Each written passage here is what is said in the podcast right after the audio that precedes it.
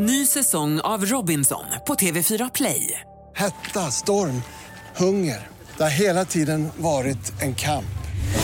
Nu är det blod och tårar. Fan händer just nu. Det. är Detta är inte okej. Robinson 2024, nu fucking kör vi! Streama söndag på TV4 Play. Podplay.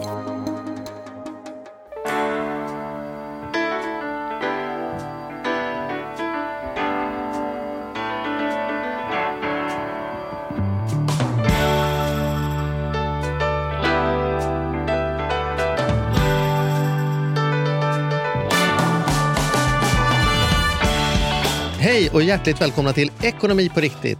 Hur är läget Mattias Andersson? Jo, för fasan. Det Oj, är- börja med svordom här. Ja, inte, Ja. fasan är väl ingen svordom. Ja, okej. Fan är en svordom, men inte fasan. Jag tror inte att Primus skulle få, han skulle få en anmärkning i skolan om han sa Jaha, fasen. okej. tror Ja, jag. ja. Nåväl, det var inte- meningen att svera. svera. Svera. Men, men eh, det är väl jättebra.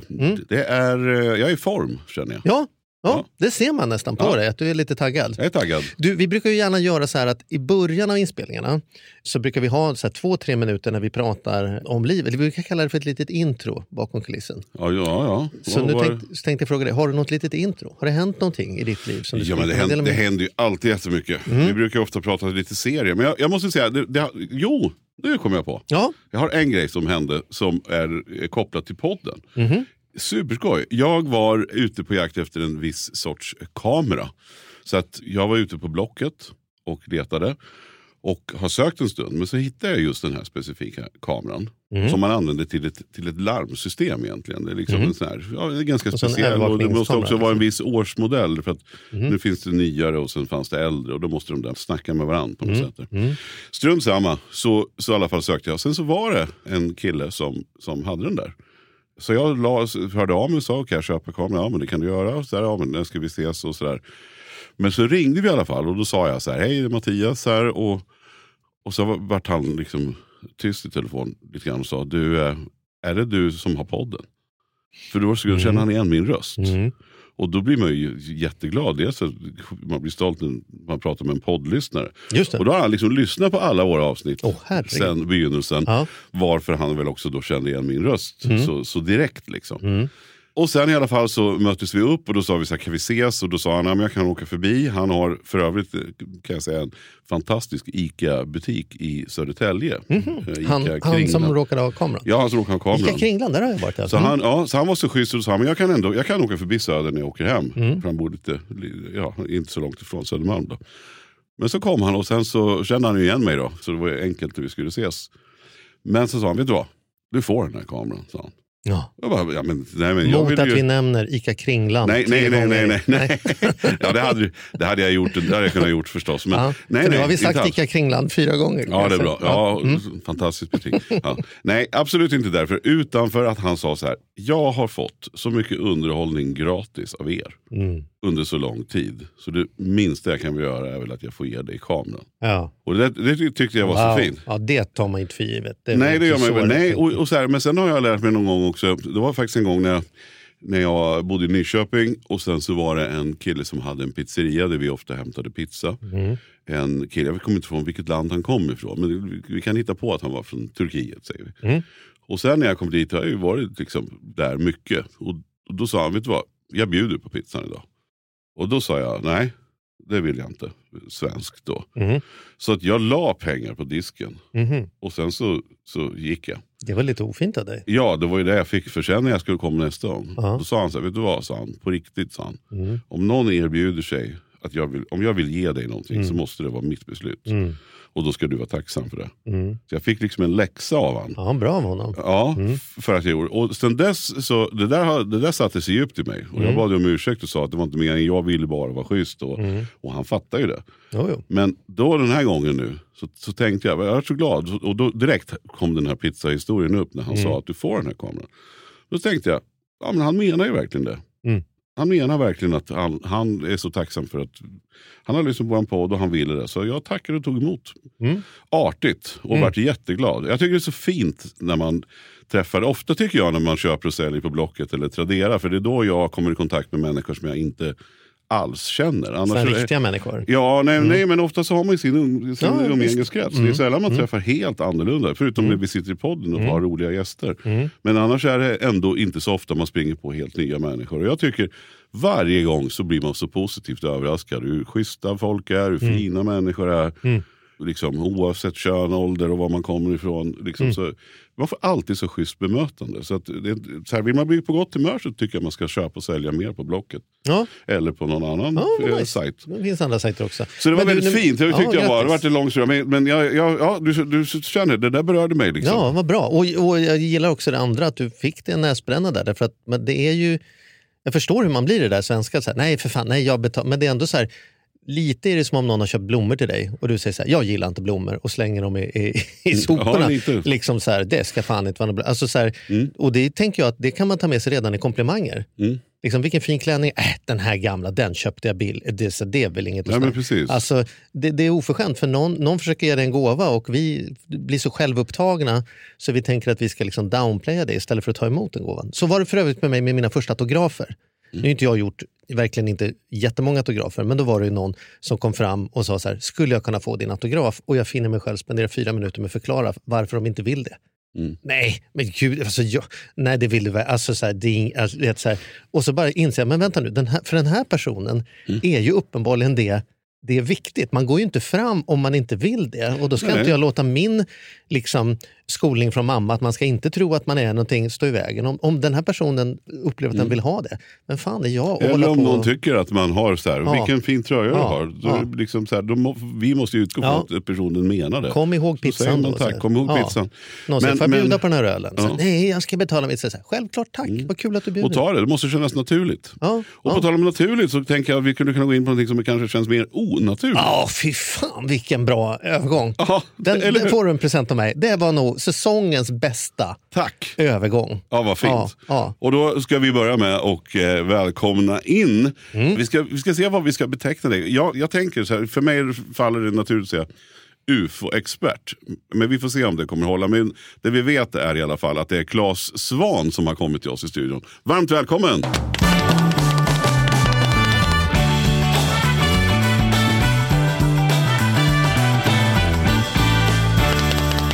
Tackar och det ödmjukaste. Vad härligt. Är du UFO-expert? Ja, det är jag. Ja. Det är ju en del annat också. Men det är jag absolut. Det får man nog ändå kalla mig för. Jag har hållit på omkring 50 år med det här ämnet och eh, studerat det och mött eh, tusentals människor. På tal om att möta människor som är häftiga och spännande Mm. så har jag mött väldigt många sådana. Hur började det? Hur, hur liksom kom du igång på ufo-grejen liksom för 50 år sedan? Ja, man kan säga så här va, att eh, julklappar. Jag önskar mig alltid hårda paket. Ja. Jag vill inte ha mjuka, tråkiga strumpor och kalsonger och sånt. Utan på slutet av 60-talet då jag var en yngling så fick jag de här hårda paketen. Det var mest böcker om astronomi och rymden. Men jag upptäckte också att det fanns någonting som kallades flygande tefat. Och det tyckte jag lät spännande så jag önskade mig böcker om det. Vi kallar dem mest för UFO idag, men då var det den gängse beteckningen. Mm. Och så läste jag de här böckerna och tänkte det här är ju någonting som jag vill veta. Vad ligger bakom detta? Så när jag var 16 år då startade jag en egen förening i Mariestad, där jag född, som heter UFO Mariestad. Bara killar. Tjejerna höll sig på armlängds avstånd. Ja, det var ingen policybeslut från er sida utan det var Det var nog från tjejernas sida urvalet. beslutet togs Mm. ganska tydligt. Ja. Men vi var seriösa. Vi eh, hade inga körkort så pappa fick köra oss runt på landsbygden där vi knackade på hos eh, bönder och andra som hade sett konstiga saker och intervjuade då, spelade in, fotograferade, vi mätte, vi hade med oss kompasser och allt sånt där. Så så startade. Och hur kommer det sig att du har hängt kvar? Vi var ju många som kom på roliga projekt när vi var 16 men som vi 50 år senare har vi liksom gått vidare till annat. Vad är det som gör att du fortsätter hänga kvar i den här eh, ufo-frågan? Ja, det är ju gåtan. Jag har ju lärt mig oändligt mycket under de här åren. Jag har ju löst massor av gåtor. Eh, Jag kan mycket mer idag, men kvar finns ju då ändå de här få procenten där folk har sett saker på nära håll, kanske hört ljudet, fullt dagsljus, ses på radar kanske till och med, som vi inte begriper. Jag vill ju veta vad som ligger bakom detta. Mm. Mm. Men följer du då också forskning, alltså så här, nu, nu, nu har man ju skickat upp sonder och det har varit, jag, jag kan inte säga, men, men det har ju varit olika saker. Nu ska de ju också till månen igen till exempel. Och där finns ju de som inte tror att vi har Vadå varit på igen? Menar du att vi har varit på månen tidigare? Ja, någon tycker ju det. Man påstår ju att 1969 så var någon här. Men det finns ju teorier om att vi faktiskt inte var på månen utan att det var stageat eller riggat och sådär. Men nu, nu ska man ju upp igen, eller om Ja. man nu har redan landat där kanske. Jag, jag, kanske du kan När man har rundat eh, månen är på väg tillbaka nu, Artemis då. Som, Ja, men man klev inte ur liksom. Nej, det är ingen ombord, det är bara två skyltdockor ombord så det är svårt för dem att, Jaha, okej. ja. Men, eh, nästa gång så följer, kör då antar man jag ändå så att, personer ja, om. men då tänker jag, om man nu är intresserad av och, och, och tror på, på UFO då, eller flygande tefat eller att någonting där som du säger. Mm. Då antar jag att du också följer NASA och dess utveckling och vad de ägnar Fast det är sig två åt. parallella spår för mig. Jag har alltid följt eh, rymdfart va? Ja. och astronomi. UFO är ju ett sidospår egentligen som många vill koppla ihop med rymdbesökare. För mig är inte detta en nödvändig koppling alls. Ja, men vad bra, vi ska börja där, för det var flera förutfattade meningar här. En var ju att du utgick ifrån att Claes tror. För det vet vi ju inte ännu. Än så länge är ju bara frågan att väldigt många UFO har blivit FO, det vill säga att det inte längre är IFO. o, i, identifierat flygande objekt. Okej, så börjar UFO betyder Unidentified Flying Object. så det betyder saker som flyger omkring som vi inte lyckas identifiera. Vad sjutton är det här? Efter en noggrann undersökning inte har kunnat identifiera. Ja, okej. Och då har du tagit dig an de senaste 50 åren att försöka få bort U i så många fall som möjligt, vill säga försöka göra ännu noggrannare undersökning så att man med en hög rimlighetsgrad kan säga, vet du vad, nu har vi förstått vad det här är och sen finns det några procent kvar som är olösta fall då, om man säger så, om det hade varit ett brottsregister. Exakt, Är det så man menar, kan säga? Så är det. Jag gick ju med i UFO Sverige, den riksorganisation då som arbetar med de här frågorna, då, eh, när jag var 16 år. Och inriktningen var ju att ta reda på vad folk egentligen såg på himlen och rensa bort alla ifona och få kvar några som är mera ufo-liknande. Och där har vi blivit väldigt duktiga. Vi håller kurser varje år för 50-tal personer då, som kommer till en veckoslutskurs där vi lär ut då om misstolkningar. Fattar ni? Det är liksom sånt som folk ser fel på. Mm. Intervjuteknik, källkritik eh, och allt sånt där. Va? Mm. Och det här kör vi då fredag till söndag och så blir de legitimerade fältundersökare och kan alltså åka ut och göra vad jag gjorde när jag var 16 år och satt i pappas bil. Knacka dörr och intervjua folk och försöka ta reda på vad de ser på himlen. Va, och hur har det gått då? De senaste 50 åren, eh, känner du att du är mer troende på att det finns grejer där ute eller har det med tiden blivit mindre? Hur har, hur har tron gått genom åren så att säga? För det, det är absolut väldigt- mesta lyckas du, lyckas du lösa på Så annat är håll. det. Va? Jag är väldigt dålig på att tro. Va? Jag brukar säga att tro är en sak, att veta är någonting helt annat. Så jag vet ju mycket mer idag.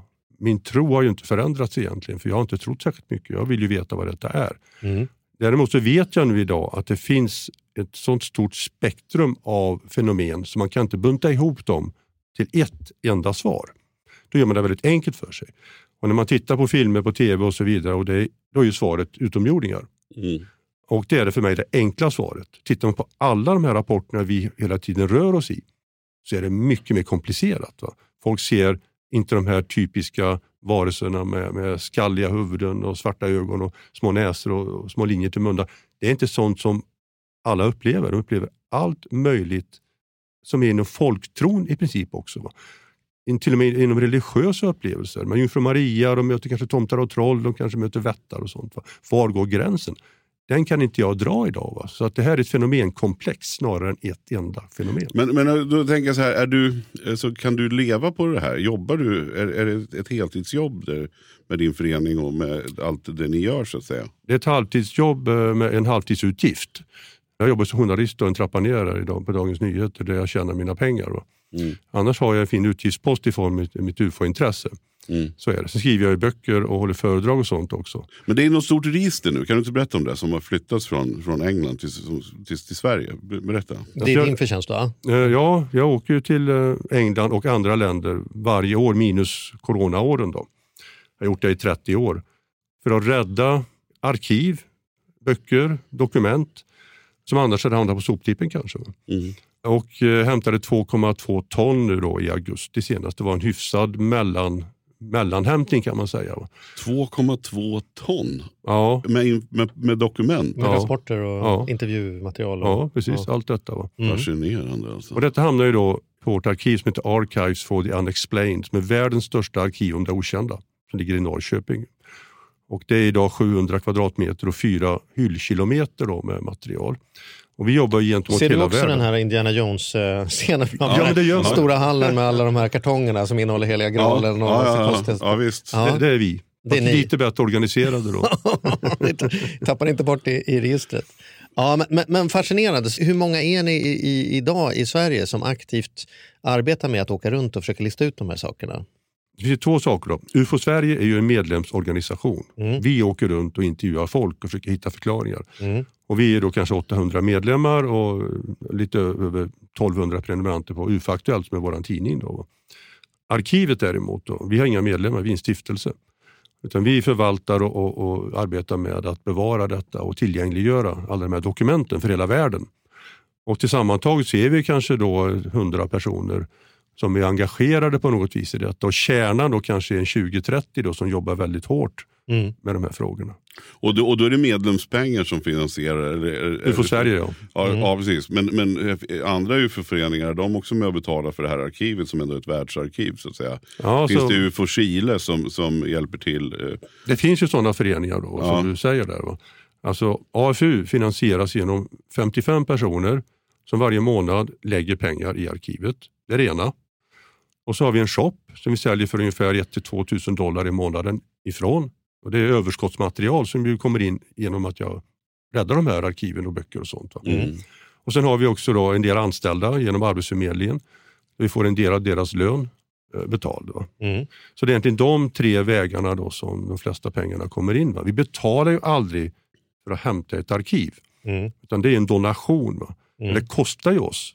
Jag tar ju min bil och kör till England till exempel och åker runt då i 500 mil under tio dagar och, och räddar de här arkiven. Och bilen har ju slitits. En bil havererade utanför Plymouth, den fick skrotas där. Det var en, en loss på 250 000 för min del. Då. Mm. Men det, så är det ju. Men alltså, det är fascinerande. Men, men fördomen här skulle ju kunna vara också. Jag har ju sett en, en del. Jag, jag gillar dokumentärer och fastnar. Och, och jag såg, tror jag, någon, någon dokumentär här om de som trodde i USA att jorden är platt. Mm. Så fördomen här skulle kunna vara att, att försöker ni liksom lura i folk att det här funkar, att, att de ska donera pengar för att ni ska liksom få leka, leka någonting och att det skulle finnas något utanför. Det skulle kunna vara fördomen. Ja, det är det säkert. Vi är medlem då i Östergötlands läns folkminnesarkiv och vi har ansett oss som ett riktigt arkiv och ett världsarv. Mm. Och eh, Vi behöver inte bevisa något annat egentligen för att Mm. det är forskare som kommer till oss och historiker från USA sitter och gräver i vårt arkiv. En kille kom flygande från Tokyo i tre dagar och grävde i vårt japanska arkiv. Mm. Vi har räddat stora arkiv från Ryssland och så vidare. Va? Så att eh, vi jobbar ju förutsättningslöst med detta och objektivt. Det är ju själva tanken bakom AFU. Och vill ni kan ni gå ut på afu.se. Det finns gratis en download-sida med hundratusentals dokument som du gratis kan ladda ner och läsa som vi då har räddat och, och, och skannat. Så vi är ju en, eh, en organisation som jobbar väldigt öppet egentligen. På tal om det vi hade i inledningen då som du säger, tänk vad mycket människor du måste träffa Ja. som, som brinner för samma sak och har samma, samma feeling så att säga. Måste ju vara eh, Ja. otroligt jobbigt att bli av med bilen för 250 lax men fantastiskt kul att få träffa alla dessa människor. Ja, det är ju värt de pengarna givetvis. Jag har ju mött tusentals människor genom mina resor bara genom åren. Förutom alla observatörer som har sett konstiga saker. Givetvis. Det är en annan, Men, annan men vad är det, så här, man blir ju nyfiken då. Jag önskar ju, och det kanske alla, jag- jag vet inte, men det är som du säger, för mig också en barndomsdröm. Man, man såg just de här tidningarna som fanns och, och ufo. Sen gick jag det över till liksom mer skämt och, och att det inte var på riktigt och sådär. Men det, finns ju inget annat hellre än att man skulle vilja att det dök upp en utomjording. Det vore väl liksom den här förvärlden. När man, jag minns när jag var och tittade på filmen Interstellar så var jag så knockad efteråt när jag hade sett den där filmen. Så när jag gick ut och satt med bilen så kunde jag knappt köra iväg. För jag var Ja, tvungen är, att bara, den är riktig. jag var tvungen att bara sitta och andas liksom. Och bara försöka, Ja. försöka ta in vad som hade hänt. Jag var, jag var helt, liksom, helt tagen. Ja. Och det där är ju jävligt fascinerande rent ut sagt. Och då känner jag så här, vad är det närmsta? Så här? För det måste ju ändå vara saker som, som dyker upp för dig som gör att du orkar hålla på. Du har ändå hållit på nu i 50 år. Mm. Och det är liksom, som du säger, det, det kostar kanske mer än vad det smakar. Alltså i plånboken kostar mer än vad det smakar. Och då tänker man ju så här, vad är det som driver? Då måste det ändå dyka upp små saker som gör att du fortfarande blir övertygad om att det är någonting skumt som pågår. Eller skumt, det är någonting som pågår där ute som inte går att förklara. Jo, men så är det. Jag Har- pratade med en amerikansk eh, särskilt, eh, stridspilot bara för några månader sedan. Ja, då. men har du något exempel som är så här, Ja, det, det, här, det, här, det här måste ju det här måste ju ha varit ett ufo på något sätt. Ja, alltså, den piloten, och Ryan Graves, då, han berättade för mig att de mötte de här okända föremålen varje dag de flög. Och de flög ju då mellan 2014 och 2015 och låg och tränade för att skicka sen till Mellanöstern. Då. Och då flög de i, över Atlanten, östkusten av USA. Och så han sa, när de kom upp i luften in i sitt träningsområde, då fanns de här okända föremålen där och rörde sig. Och när de flög därifrån, då var de här föremålen kvar. Och de såg dem på radar, och såg dem på infrarött och ibland för blotta ögat. Och de såg då ett rund svär som en badboll med en svart låda i. Så beskrev de föremålen. Det liknar ju ingenting som vi kan relatera till egentligen. Det är en sån sak som gör att jag känner att okej, det där har nog inträffat. Då. Och det tycker även amerikanska försvaret nu som inrättat en speciell grupp då, som ska jobba med detta. Och de har det, fantastiska namnet då, Identified Aerospace Undersea Phenomena Joint Program Office. Och Ja. Det är ju lätt att komma ihåg. Va? Ja, ja verkligen. Och de tittar nu på detta. Va? De får pengar från kongressen nu, de kommer dra igång ordentligt nästa år. De jobbar redan, men de kommer att få ett mer permanent kontor under 2023. Så de säger att det här är på riktigt, där de ser det på riktigt. Men även svenska piloter har ju sett de här föremålen i luften. Jag har pratat med flera stycken. Jag kan nämna en jättekort. Då. 1946 då, det var en stor våg över Sverige av så kallade spökraketer. Det var liksom den tidens ubåtar kan man säga. Va? Folk såg dem överallt under ett års tid. Va? Flyga i luften. Och de störtade då med jämna mellanrum i sjöar där militären letade och hittade ingenting utom hål i botten. Va? Den piloten jag pratade med som var ute och flög i augusti 46, han hette Gunnar Irholm. Han berättade hur han kom då med sin B18 från F1 i Västerås hade undvikit ett åskväder då, som var lite utkanten av Västerås och flugit en annan väg upp mot Dalarna. Och där plötsligt då, i närheten av Malingsbo kyrka får de se då ett stort cigarrformat skepp i princip. Då. inga vingar, ingen cockpit, inga avgaser. Då, som korsar deras bana. 15 meter långt ungefär. Så de tar upp jakten på det, han och hans eh, navigatör. Då.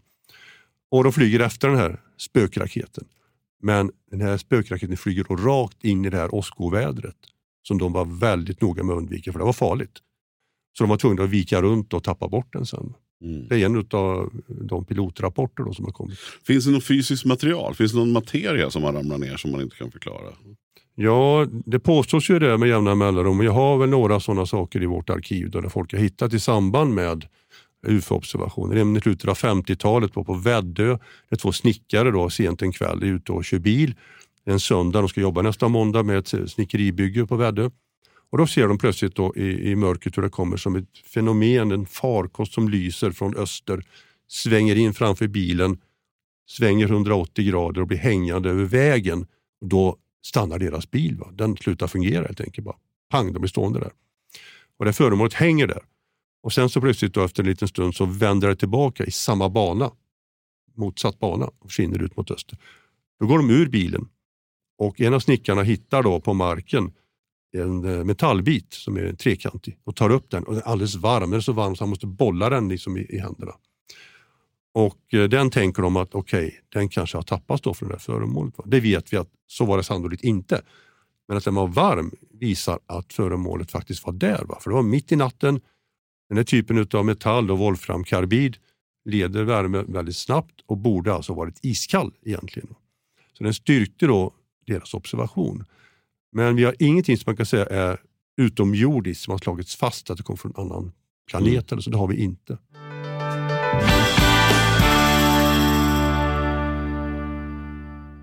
Den här podden gör vi även den här veckan i samarbete med Saveland. Fan vad kul det är att ha dem med ombord. Mm. Jätte, jätteroligt. Ja, vi brukar prata om att man har något band som man såg.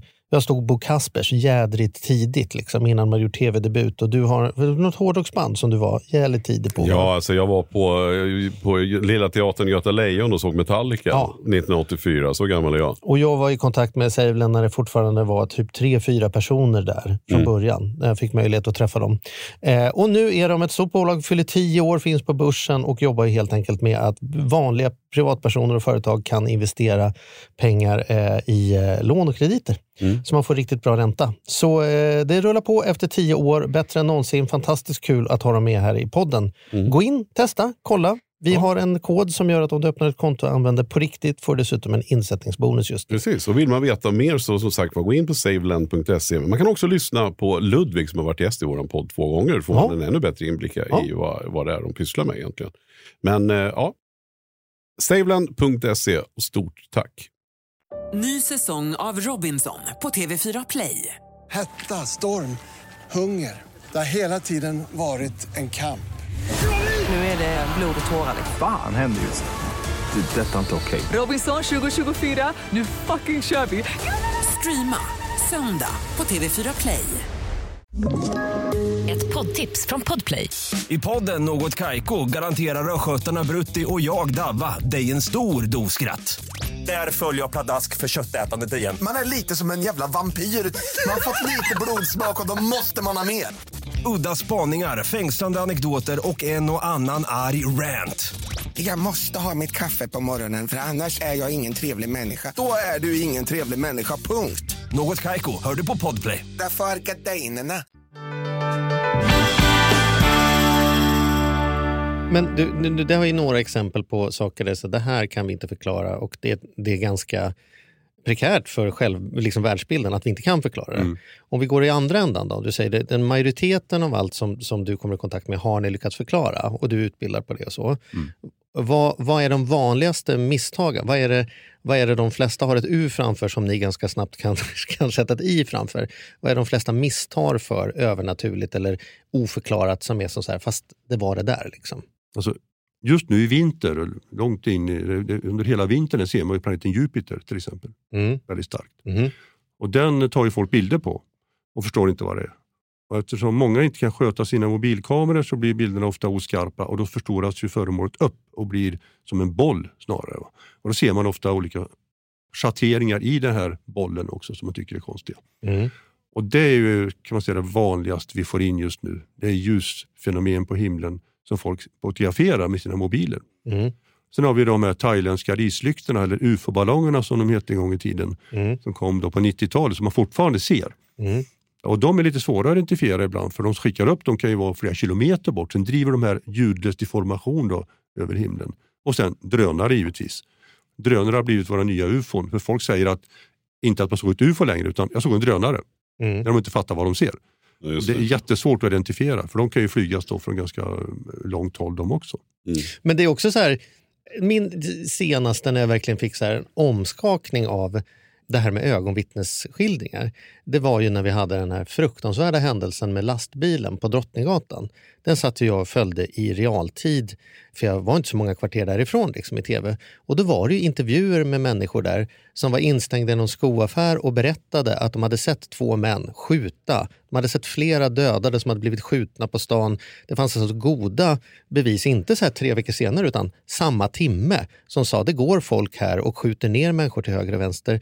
Och sen visade det sig då när, när röken hade lättat och alla kommit hem att det fanns ju ingen som hade blivit skjuten. Han hade gått rakt ner i tunnelbanan och åkt hem. Så det är ju också där, då blir jag så här, men herregud, hur kunde tv rapportera och så många människor var överens om att det pågick när det inte pågick? Det blir också så här, hur kan man lita på att den här piloten om människor ser någon skjuta ner folk på stan och det inte har hänt, hur kan jag lita på att en pilot inte bara ser någonting som inte har hänt? Liksom? Det kan, man, det kan man inte göra. Utan det krävs ju då eh, radarbilder och så vidare till detta. Va? När eh, amerikanska försvaret släppte sin UFO-rapport eh, midsommar förra, vad blir det? Det, blir, det är ett och ett halvt år sedan nu som de släppte den rapporten. Då var det en av 144 observationer som man lyckades identifiera. Men det var också så att ett 80-tal av de oidentifierade hade man sett på multipla sensorer som det heter. Alltså med ögat och på radar. Mm. Eller med ögat och infrarött. Eller med infrarött och radar. Och det är sånt vi jobbar med. va. Vi kräver ju två vittnen i UFO-Sverige för att det ska bli ett UFO av ett, eh, en observation. Så vi inser ju det här problematiken med vittnespsykologi. Det jobbar vi jättehårt med på våra fältundersökarkurser. Vi använder ju eh, kurserna till att lära folk hur svårt det är att vara ett ögonvittne. Så Mm. alla som åker därifrån säger att jag kommer aldrig mer att lita på mig själv. Mm. Och så är det ju, tyvärr. Mm. Ja, och säkert eftersom man har ju en stark tro eller vilja som jag sa. Som jag kan känna då, som jag be- beskrev. Att jag skulle ju så gärna vilja att det var någonting.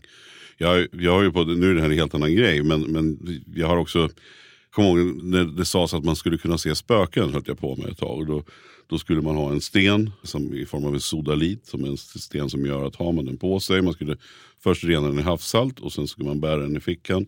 Och sen så åkte jag till olika slott. Bland annat Eriksberg i Sörmland. Och sen så tältade jag, tältade jag på slottet. Jaha, det har jag Eh, för- aldrig hört om. Ja, Vad ja. roligt, man lär sig nya saker om människor man trodde man visste allt om. Ja, ja. nej, och då hade jag den här sodaliten på mig och det, den gör då att man ska kunna se saker som man inte normalt sett. Den ger Det var- det var tesen energier. här, ja, ja. det var tesen. Mm. Och sen åkte jag då till, till eh, två olika slott. Det var Vibyholm i Sörmland och sen så var det Eriksberg. Och går man in på Guinness rekordbok där så, så är det, sägs det att Eriksberg, där, där var det den vita frun då, eh, som jag tror det var som härjade.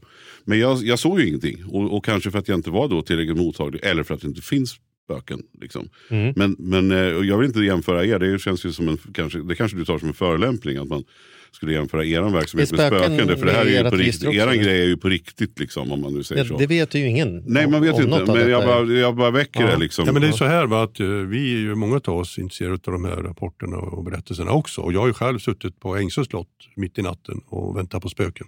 Mm. Jag såg heller ingenting. Men jag var med om en intressant historia i en kyrka då i eh, Stockholm, i, i Rinkeby.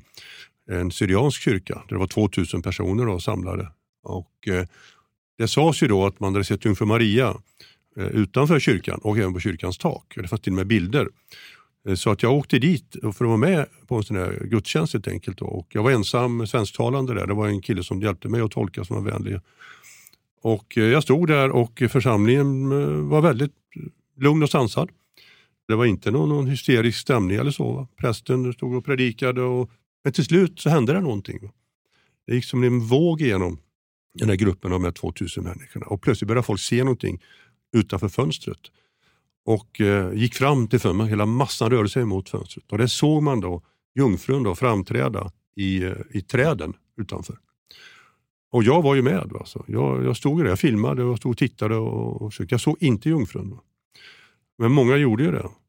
Och Sen så lugnade det ner sig och sen så fortsatte detta. Och efter en stund såg man då i ett fönster hur det framträdde en silhuett också. Vilket också tolkades då som att det var jungfrun. Då sa jag till eh, tolken jag hade en till mig att eh, men ni ser ju att det är, det är liksom eh, lite dimma på, imma på för att folk är så upphetsade och, och svettas. Så att det har blivit en silhuett genom lampan som är här bakom oss. Va? Men efteråt så träffade jag många som hade sett då jungfrun och på, på nära håll och kunde beskriva henne och så vidare. Men jag kunde alltså inte göra detta. Mm. Jag tänker att, ska jag, ska jag liksom ställa mig i logikhörnet här? ja? Ja, gör det. Så tänker jag att allt det vi lärde oss i skolan på, på 1600-talet, majoriteten av det lyckades man ju på 1700-talet konstatera att det stämde ju inte. Nu vet vi bättre. Och det vi lärde oss på 1700-talet, det listade man ut att mer än hälften av det vi lärde oss på 1700-talet visade sig vara fel på 1800-talet. 1800-talet, 1900-talet, ni förstår vart jag är på väg. Poängen är ju att vi måste ju utgå ifrån att det fortfarande är så att majoriteten av det som vi får lära oss i skolan kommer de kommande hundra åren visa sig inte vara sant. Det är ganska dumdrygt att tro att just vi råkar leva i en generation som är så upplysta och nu har löst alltihopa när alla andra hittills har visat sig att majoriteten har varit fel. Så att det är massa saker som vi inte kan förklara eller vi har felaktiga förklaringar för, det är i alla fall för mig inte en konspirationsteori utan det är högst rimligt. Liksom. Det är ett ödmjukhetspiller. Och det andra är den här klassiska då som man redan från skolan fick med sig att om det nu är universum är så enormt, om vi, oavsett om vi ska kalla det för att det är oändligt eller inte, men det finns enormt mycket solsystem och mycket galaxer med otroligt mycket planeter. Det är ju, är ju i mina ögon otroligt naivt att tro att vi skulle vara det enda stället i hela detta universum som har på riktigt något, något intelligent liv. Det, det tycker jag är, är bland det drygaste man kan påstå. Så båda de två sakerna hjälper ju mig att vara öppen för den här typen av samtal. Och sen är jag som så här, jag är inte troende på, på, på så mycket grejer överhuvudtaget. Så för mig är det så här, visst det kan finnas eller inte finnas. Det blir ingen stor grej i mitt liv. Jag har inte blivit hooked på. Jag måste lista ut svaret. För jag blir ganska lätt hooked. Så när jag läser såna här saker kan man plötsligt trilla, ner, trilla ganska djupt ner i ett hål och vill läsa allting om och sådär. Ja. så där, där, vad tänker du när jag pratar? Liksom? Är det, Så jag vad säga- möts du av när du... Nej, men jag brukar säga så här att vi, vi, vi står på, på toppen av ett kunskapsberg som vilar vid foten av en bergskedja som leder in i framtiden. Och den bergskedjan den växer ju, den ju, blir högre och högre. Eh, vi kommer att lära oss mycket, mycket mer, vi kommer att veta mycket mer om hur världen fungerar om, om 100 år än vi gör idag. Va? Det är helt riktigt som du beskriver, så är det ju. Va? Däremot fundamenten för eh, menar, Newton och så vidare går tillbaka till 1600-talet och allt detta. va? Det, det, det står vi på idag fortfarande, det har inte förändrats. Einstein som du är 100 år bak i tiden också med hans teorier vilar stadigt fortfarande. Va? Så det är inte så att allting bara omkullkastas, men mycket av de åsikter som fanns förr i tiden har ju förändrats. Och, man ska vara väldigt ödmjuk. Jag pratade med Brian Schmidt då, som var nobelpristagare i fysik för några år sedan och bad honom, jag gav honom ett papper och sa skriv vad du tänker om universum. Och då skrev han ganska långt, då, men han skrev i, i princip så här va, att man ska inte förutsätta någonting kring universum. Universum är och gör vad det vill. Va? Det går inte att förutse. Va? Och Det var ändå en, en nobelpristagares åsikt om universum. Och det är ju så, universum är enormt stort. Vi ser att alla byggstenar till liv som finns på jorden finns där ute också. Det kan definitivt bildas liv på väldigt många platser och har säkert gjort det. Finns de samtidigt som oss? Kanske. Kan de ta oss hit? Det vet vi inte. Är det möjligt? har vi ingen aning om. Frågan är ju fler än svaren ofta, men vi lär oss ju hela tiden och det gäller ju då att intressera forskare för de här frågorna så vi kan få de här svaren. Men skulle du vara det som man från utsidan skulle kalla för konspirationsteoretiker? Det vill säga, tror du att när Ulf Kristersson tillträdde fick han en mapp som är här är en lista på alla svenska aliens som bor, som bor eh, med, skyddade av Säpo och det här får du aldrig berätta för folk. Alltså förstår du vad jag menar? Det är så, det hörnet finns ju, att man tänker det finns ju de där, de där som vet. Jag och tror att ingen, ska vi- ingen som har mött mig skulle sätta ordet konspirationsteoretik på mig. Nej. Det, det, det hittar jag nog ingen som skulle kalla mig för. Eh, Däremot är det många konspirationsteoretiker som har väldigt svårt med mig. Ja. Och jag har lagt ner mycket jobb på det. Du nämnde månlandningen förut. Va? Att det finns folk som, som eh, tvivlar på att vi var där 69. Eh, Jag har ju rest runt. Jag har varit i Australien och träffat de som tog emot signalerna sommaren 69. De som tog emot dem i, i Tid Min Villa. Och jag har varit i USA och grävt i NASAs arkiv. Jag har träffat astronauter som har rest till månen, som har varit på månen. Jag har träffat kosmonauter som har följt detta från rysk, sovjetisk synpunkt och säger till mig att vi skulle aldrig hållit käft om de hade lurat oss. Va? Jag har lagt ner väldigt mycket tid på att eh, bevisa för andra att vi faktiskt har varit där. Va? Platta jorden tog ni upp förut. Jag träffade Platta jorden-ordföranden Charles K. Johnson i öknen utanför Lancaster i Kalifornien för ganska många år sedan. Han pekade och sa titta vad platt sa han. Och det var det, det var jäkligt platt. Va? Han bodde verkligen ute i öknen. Hans fru kom från Australien och sa att jag, kan, jag har aldrig gått upp och ner, jag kan svära på det. Jag fick en jordglob av honom, det var ett A4-ark med, med jorden då tryckt på. Va? Och jag för debatter var och varannan vecka med folk som faktiskt då tror att jorden är platt. Va? Så jag ser väl som min uppgift att vara liksom en sorts folkbildare snarare än konspirationsteoretiker. Så att jag är väldigt Och med din kunskap då så, så kan du säker, känner du att du med säkerhet kan säga ett, vi har varit på månen och gått där och två, jorden är rund. Ja, det kan jag. Definitivt. va. Och det roliga är att när folk eh, ser flygplan på himlen, det är också ett misstolkningsfenomen, kanske nummer fyra i raden eller kanske till och med nummer tre. Mm.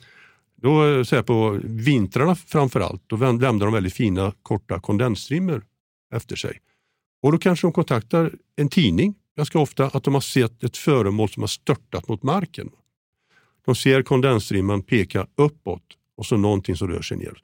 De tänker det kan vara en flygplanskrasch, det kan vara en, en komet, det kan vara en meteor. Va? Och då är det ju så att säga till folk att jorden är faktiskt rund. Om den vore platt, då skulle man inte se detta. Va? Då skulle den här kondensstrimman bara bli kortare och kortare och kortare när den flyger bort i synriktningen. Men i och med att jorden är rund så måste kondensstrimman peka neråt när faktiskt flygplanet tar och flyger runt kröken. Mm. Så det finns enkla sätt att ta reda på Ja, detta. precis. Nej, och vi, vi har ju haft en pilot med i vårt eh, program. Vi har både en kompis och, och, och en fantastisk kille som driver en av världens nu största flygkanaler på Youtube. Som heter Mentor Pilot. Jag hade den där snacket med honom någon gång när jag försökte sä- sätta mig på att jorden var platt. Men då, då, då, han lyckades bevisa ganska, ganska enkelt att, att jorden är rund. Alltså. Men det är häftigt. Men, men jag, jag tycker det är häftigt, alltså dels ditt engagemang och, och att du, du vill ha bevis. Det är inte så att du går och tror i några fantasier. Och du har också skrivit mycket, det känns som du är galet påläst i allt det här. Och då är det två saker. Dels då så ska vi rekommendera en bok som du har skrivit. Som heter Files of the Unexplained. En, en ny bok som du har ute nu. Kan inte du berätta om den? Vad är det som Precis, en highlights ur Nu arkivet? tog jag med de här engelska upplagorna till den. Den heter Ja. alltså Verklighetens arkivex på svenska. Finns även på svenska. Mhm. Mm. Mm. Men är lite svår att få tag på nu för tiden. Så är det där va, att eh, arkivet är som sagt världens största. Och eh, vi jobbar ju stenhårt på att rädda material för framtiden. Framtida forskning. Just nu jobbar vi med ett företag i USA, i New York, som heter Enigma Labs. Det är ett mångmiljondollarföretag. Vi kan kolla upp dem. När vi Bloomberg skrev om dem i en lång artikel i somras. Enigma Labs eh, jobbar just nu med att försöka skapa en app ihop med oss som bygger på UFO-rapporter. Och när någon ser någonting ska man kunna gå in i den här appen och rapportera men också få veta vad som har hänt i området tidigare. Och där har ju vi då ungefär 60 000 rapporter i vårt arkiv Mm. som vi nu jobbar med att digitalisera i den mån de inte redan är gjorda digitalt. Va? Åt Enigma Labs för att de ska få den här grunden att stå på. Så våra, våra tjänster är ju, är ju efterfrågade och eh, på sikt då kanske vi får ut också lite pengar från detta som gör att arkivet lättare kan, kan ta sig vidare in i framtiden. Men det är också något spännande. Det är ju, det, det, filmen måste du berätta om. Alltså, det är ju en stor satsning, verkligen. Ja, det är en av de största satsningarna på år och dag i Sverige. 39 miljoner är mycket pengar för svensk film. Och det är SF då som har satsat mycket av detta. Filmen heter UFO Sweden, inte UFO Sweden, inte UFO Sverige utan UFO Sweden. Mm. Och eh, den utspelar sig i Norrköping. Eh, filmad av eh, Crazy Pictures som då eh, fick eh, Guldbagge då som bästa nykomling. Jag tror Så de gjorde den här Blomstertid nu kommer. De är otroligt duktiga på, Ja, på specialeffekter och sådär. Mycket duktiga, jag tror det var 2019 eller så de fick den här Guldbaggen. Och eh, 2018 så upptäckte de att en av killarna, Victor Danell i Crazy Pictures, bodde granne med vårt arkiv. Han hade sett en dokumentär som heter Ghost Rockets, där jag är en av huvudpersonerna. Ett filmteam följde oss över fyra år och så kom den sen på SVT och vann en massa priser runt om i världen och sånt.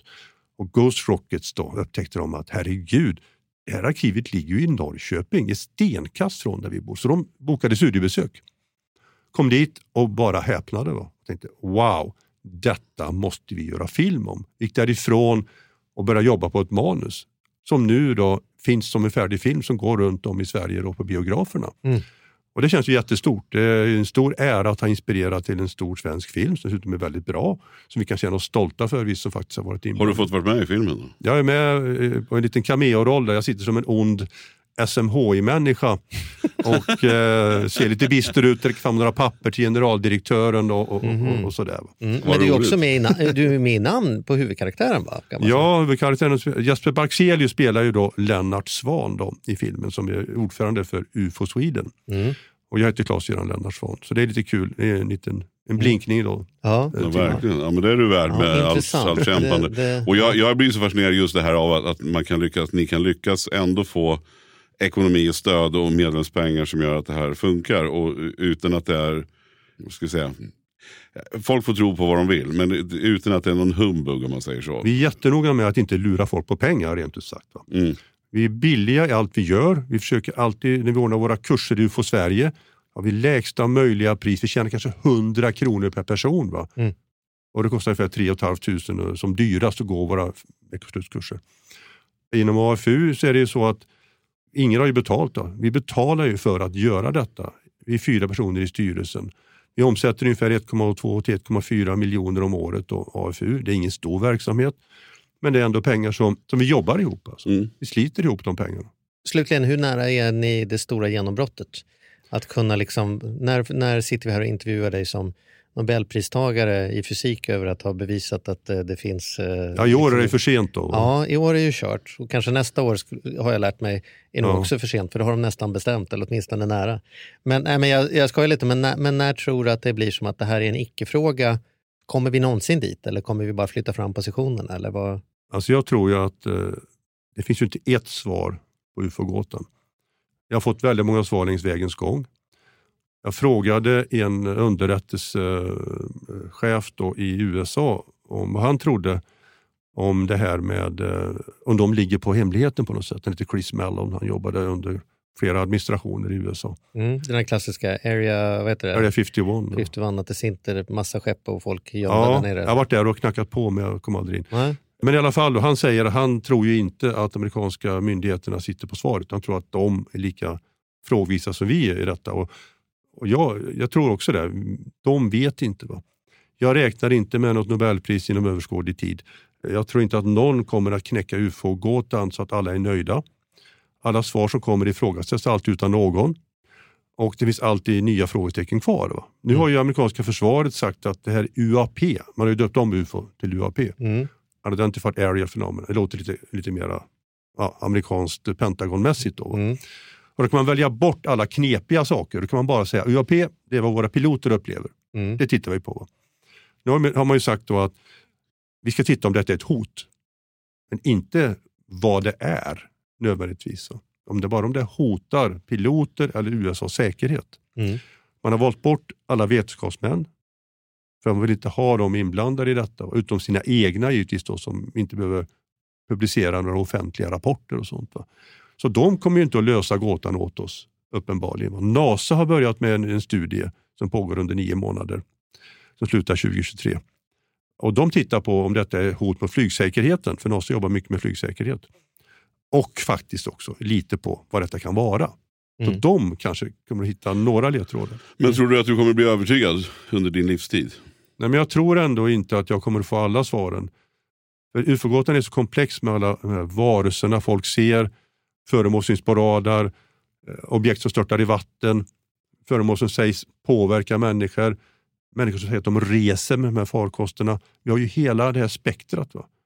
Och du kan Ja, inte det måste få ett finnas på ganska mycket knäppjökar i, i din bransch. Jo men det gör det. Alltså. Det är många som ändå tar, tar chansen och suger in ufo-biten som en del av sin verklighetsbild. Va? Ja.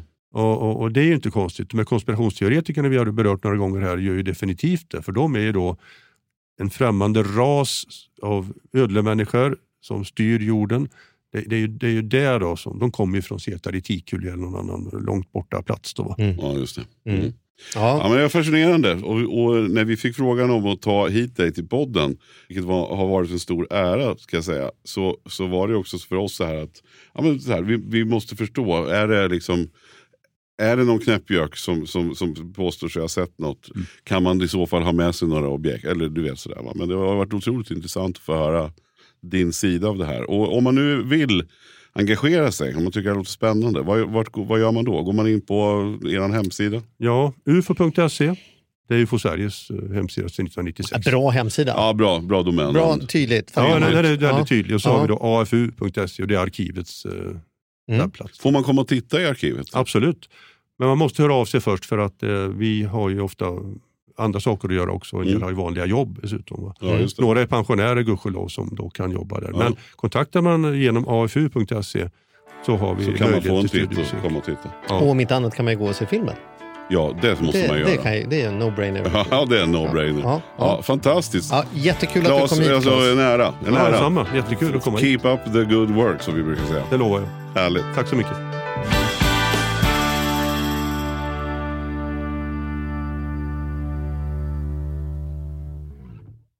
Podplay.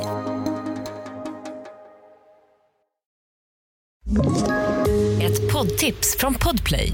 I fallen jag aldrig glömmer djupdyker Hasse Aro i arbetet bakom några av Sveriges mest uppseendeväckande brottsutredningar. Går vi in med hemlig telefonavlyssning och, och då upplever vi att vi får en total förändring av hans beteende. Vad är det som händer nu? Vem är det som läcker? Och så säger han att jag är kriminell, jag har varit kriminell i hela mitt liv men att mörda ett barn, där går min gräns. Nya säsongen av Fallen jag aldrig glömmer på Podplay.